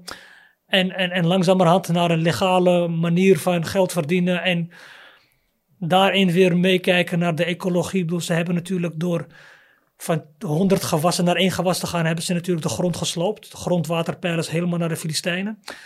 En dat je weer zeg maar, de natuur in ere probeert te herstellen in die regio. Dat zijn dingen die mij bezighouden. Van hoe zorg je er nou voor dat je dat soort dingen ontwikkelt en in balans houdt.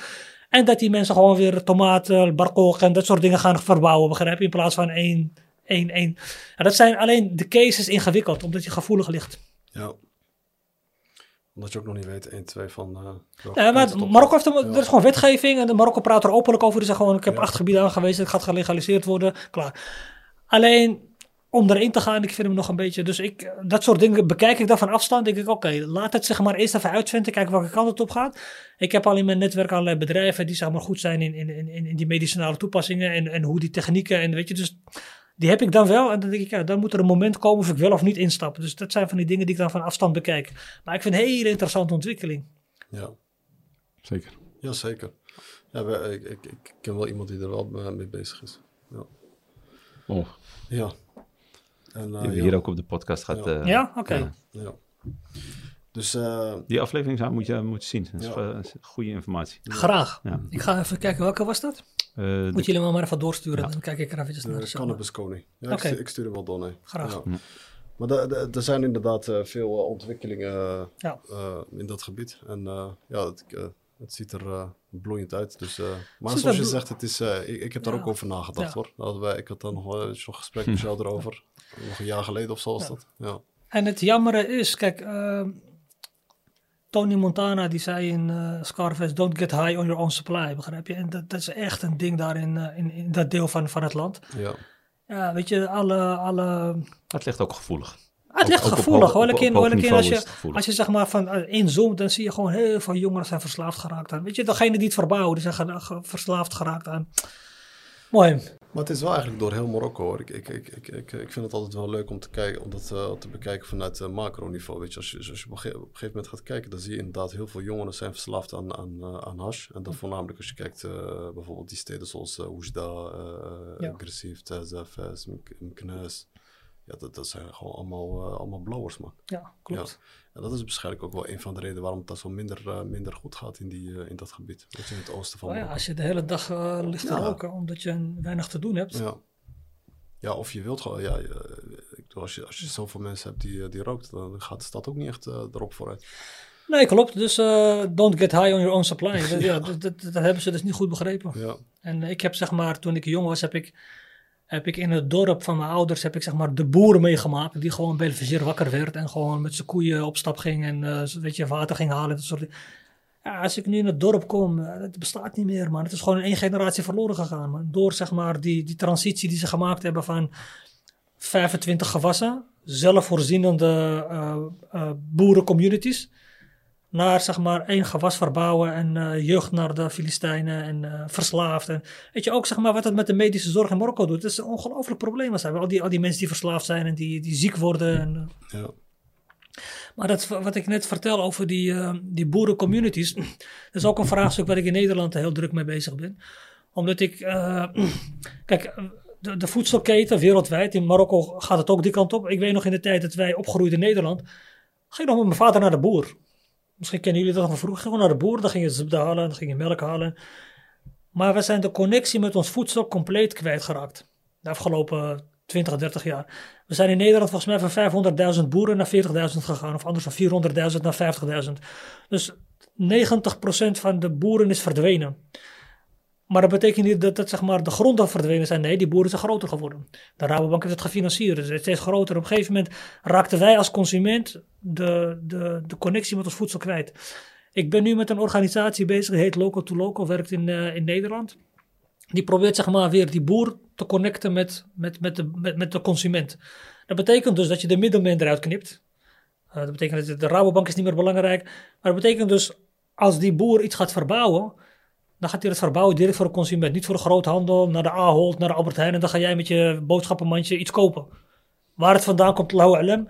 Hoe het verbouwd is, lauwe LM. Welke, welke stoffen gebruikt het lauwe LM. Je koopt het, je consumeert het. En dit, ja. dat is iets wat me heel lang bezig gehouden heeft. Ik ben recentelijk iemand op het pad gekomen die overal in de wereldfora staat te vertellen over terugbrengen van de connectie tussen de boer en, en de consument. Direct één op één. Dat vind ik een hele interessante ontwikkeling. Ook in Marokko merk ik nu dat, dat de, connectie verloren gegaan is. Man. Dat, dat, weet je, de afstand tussen de consument en de boer gaat steeds verder. Hier heb je precies hetzelfde. De grote supermarkten komen op. Je gaat naar de supermarkt, je haalt die, waar komen ze vandaan? Allahu alam. Maar ook zeg maar, die hele halal-industrie, die kan je ook op die manier inrichten. We hebben in Nederland heel veel discussie over halal en halal.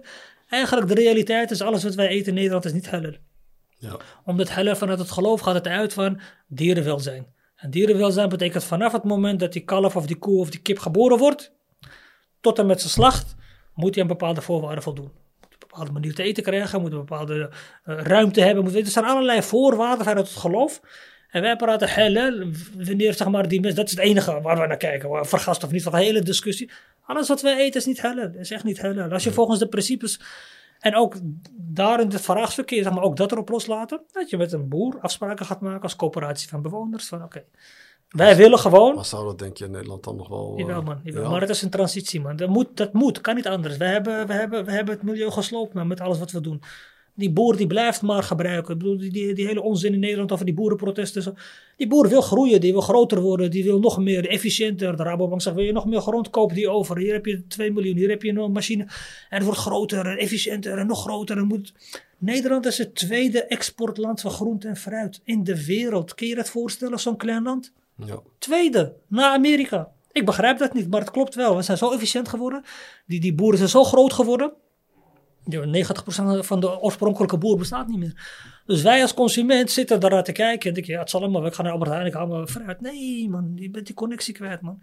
Dus ik strijd bijvoorbeeld ook in Amsterdam heel erg voor lokaal groente verbouwen. Weet je waarom niet? We hebben genoeg groen in de stad. Laat maar lekker mensen hun eigen groente en fruit verbouwen. Dus met die organisatie probeer ik, zeg maar, bij mij gevraagd van wil je ons helpen om rondom Amsterdam in, in, in, in plattelandsgebieden dit soort eh, principes op te zetten. Maar het kun je ook heel erg voor Marokko doen. Man. Dat je zeg maar, eigenlijk gaat het om de mindset, dat je de mensen leert, je moet connectie hebben met hetgene wat je eet. Anders, anders maken we de planeet kapot met z'n allen.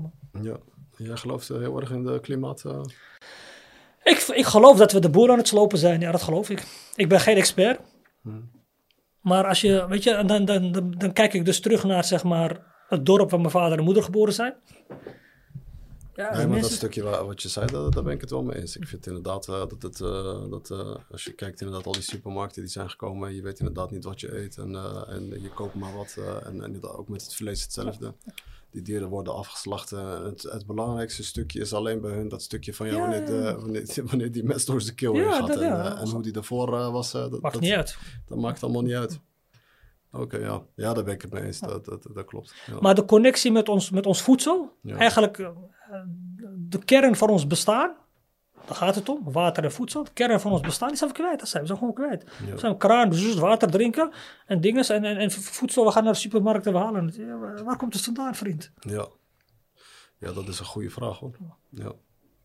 En uiteindelijk, ja, die dingen worden natuurlijk... Mensen eten geen komkommer die, die krom is. Waarom niet? Wie heeft ons geleerd dat die komkommer precies van deze afmeting moet zijn en dat die precies recht moet zijn? En, helemaal, en daar eten we hem. Waarom eten we geen komkommer die misvormd is? Ik begrijp dat niet. Die liggen niet in de supermarkt. Ja, marketing. hè. Ja. Dus die mindset moet veranderen. En Marokko is, eh, weet je, natuurlijk een agrarisch land eh, bij voorbaat. De, de, de grootste groep werkenden werkt nog steeds in de agrarische sector in Marokko. Ja, ook daar eh, merk je, zeg maar, door de komst van die grote supermarkten, de, de, de, de, overpopulatie van de steden, de overconsumptie. We zijn ook gewoon eh, alleen maar consumeren hier in Marokko.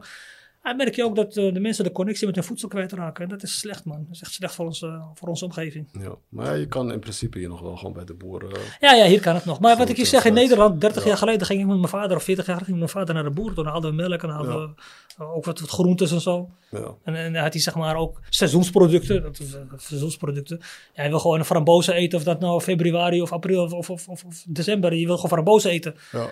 En dat hebben, zijn we ook verloren. Ja, het, het voordeel van Marokko is, omdat Marokko namelijk zo groot Kijk, Nederland is, het is beperkt. Het is een klein, klein land, weet je. Dus het is niet zo van dat je zegt van ja, eh, ik, eh, ik ga een eigen stuk land eh, kopen en ik bouw daar een huis en ik ga mijn eigen groente en fruit telen, weet je. Zo werkt het niet. Maar in Marokko is dat wel gewoon veel makkelijker. Klopt. Ja. Maar het gaat, het, gaat, het gaat in deze transitie, want uiteindelijk moet je weer terug. Wat mij betreft moet je weer terug. En dan gaat het om grondposities. Op het moment dat je grondpositie hebt, ben je koning. Dus ook in, in, in, in zeg maar de, de Randstad bijvoorbeeld eh, in, in Nederland. Als jij grondposities hebt buiten de stad, dan ben je koning. Dan ben je baas. En dan kun je zelf zeggen van oké, deze grondpositie is van een coöperatie bewoners bijvoorbeeld. Dat je dat georganiseerd is. We kopen dat in en we zeggen tegen die boer, beste boer, je krijgt een eerlijke prijs. Die boer misschien dan bij Nederland, soms produceert hij onder kostprijs.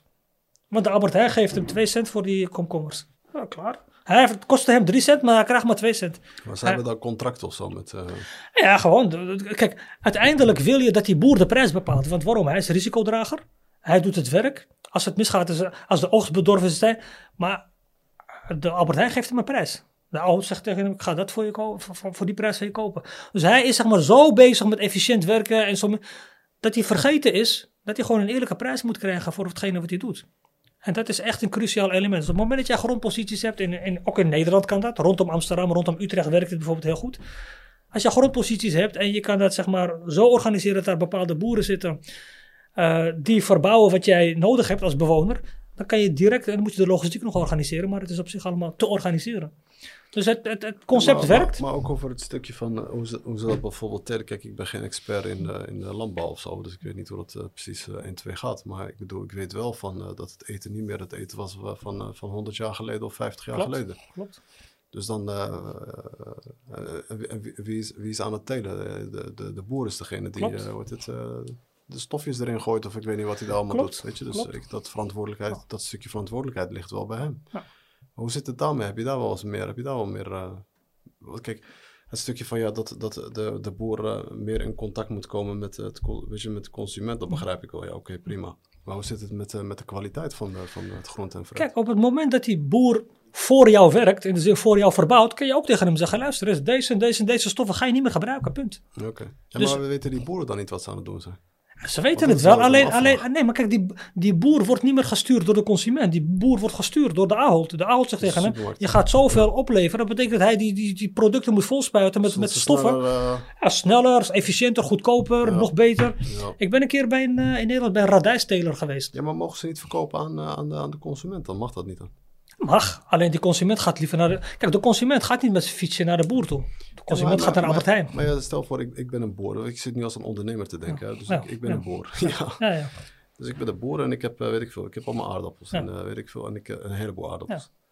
Ja. en ik weet dat die, die, die, die supermarkt zit mij een beetje te, te, onderdrukken hier Ja. en daar. En die zit te bepalen wat hij mij gaat betalen. En ik tegen hem zeg, ja, Ja. weet je, donder op man. Ja, maar zo werkt het niet. Want die boer, uiteindelijk zit die boer aan het infuus van de Rabobank. Want die heeft hem geholpen met, zeg maar, groter Ah, worden. Hij, heeft, eh, hij, hij zit eh, Tuurlijk. vast aan een lening of zo. Maar wat ik net zei, 400.000 boeren naar 50.000. Ja. Het is niet dat er landbouwgrond verdwenen is. Nee, die boeren zijn groter geworden. Hmm. Dus zeg maar, eentje had eh 20 hectare, had ineens 200 hectare. Maar die 200 hectare moest gefinancierd worden. Dus gaat hij naar de Rabobank. En de Rabobank zegt, ja, ja, geweldig, groeien, efficiëntie, hup, er zit nog 20 miljoen.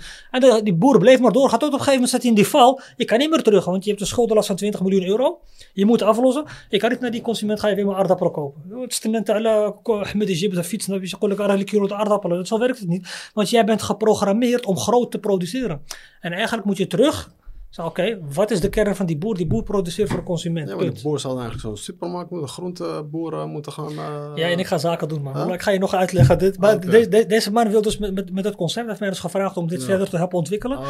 Hij wil dus heel graag naar, ook naar Marokko komen. Om, Mm. om zeg maar die mindset, om uh, nou, Mm. hetgene wat hij ontworpen heeft, dat dat ook toepasbaar is voor landen. Als, hij stond vorige week in, eh, in Abu Dhabi op een, eh, op een forum te praten over deze. Over, het is ook een hele blockchain technologie zit erachter. Dus het is zeg maar geen kattenpis begrijpen. Dus er zit Oké. een hele technologie achter voor hoe je dat organiseert. Ja. En daar mag ik, alhamdulillah, heb ik het geluk dat ik met zo iemand aan tafel zit om, om, om te praten over hoe je dat kan implementeren in Amsterdam of misschien Ja. ook in Marokko. ja, leuk project dat zou. Ja, eh, ja, zeker. Interessant. We hebben veel gesproken, Sir Alhamdulillah. Eh, Het was een leuk gesprek. Ja, wallah, echt We leuk hebben- gesprek. We hebben veel geluisterd, eh Dank jullie wel, man. merendeels. Ja. Maar het was, eh, je hebt ook veel, veel- he- hele goede informatie meegegeven, eerlijk gezegd. Daar gaan we niet over liegen. We hebben de 1075 een beetje gebruikt vandaag. eh, hier ook.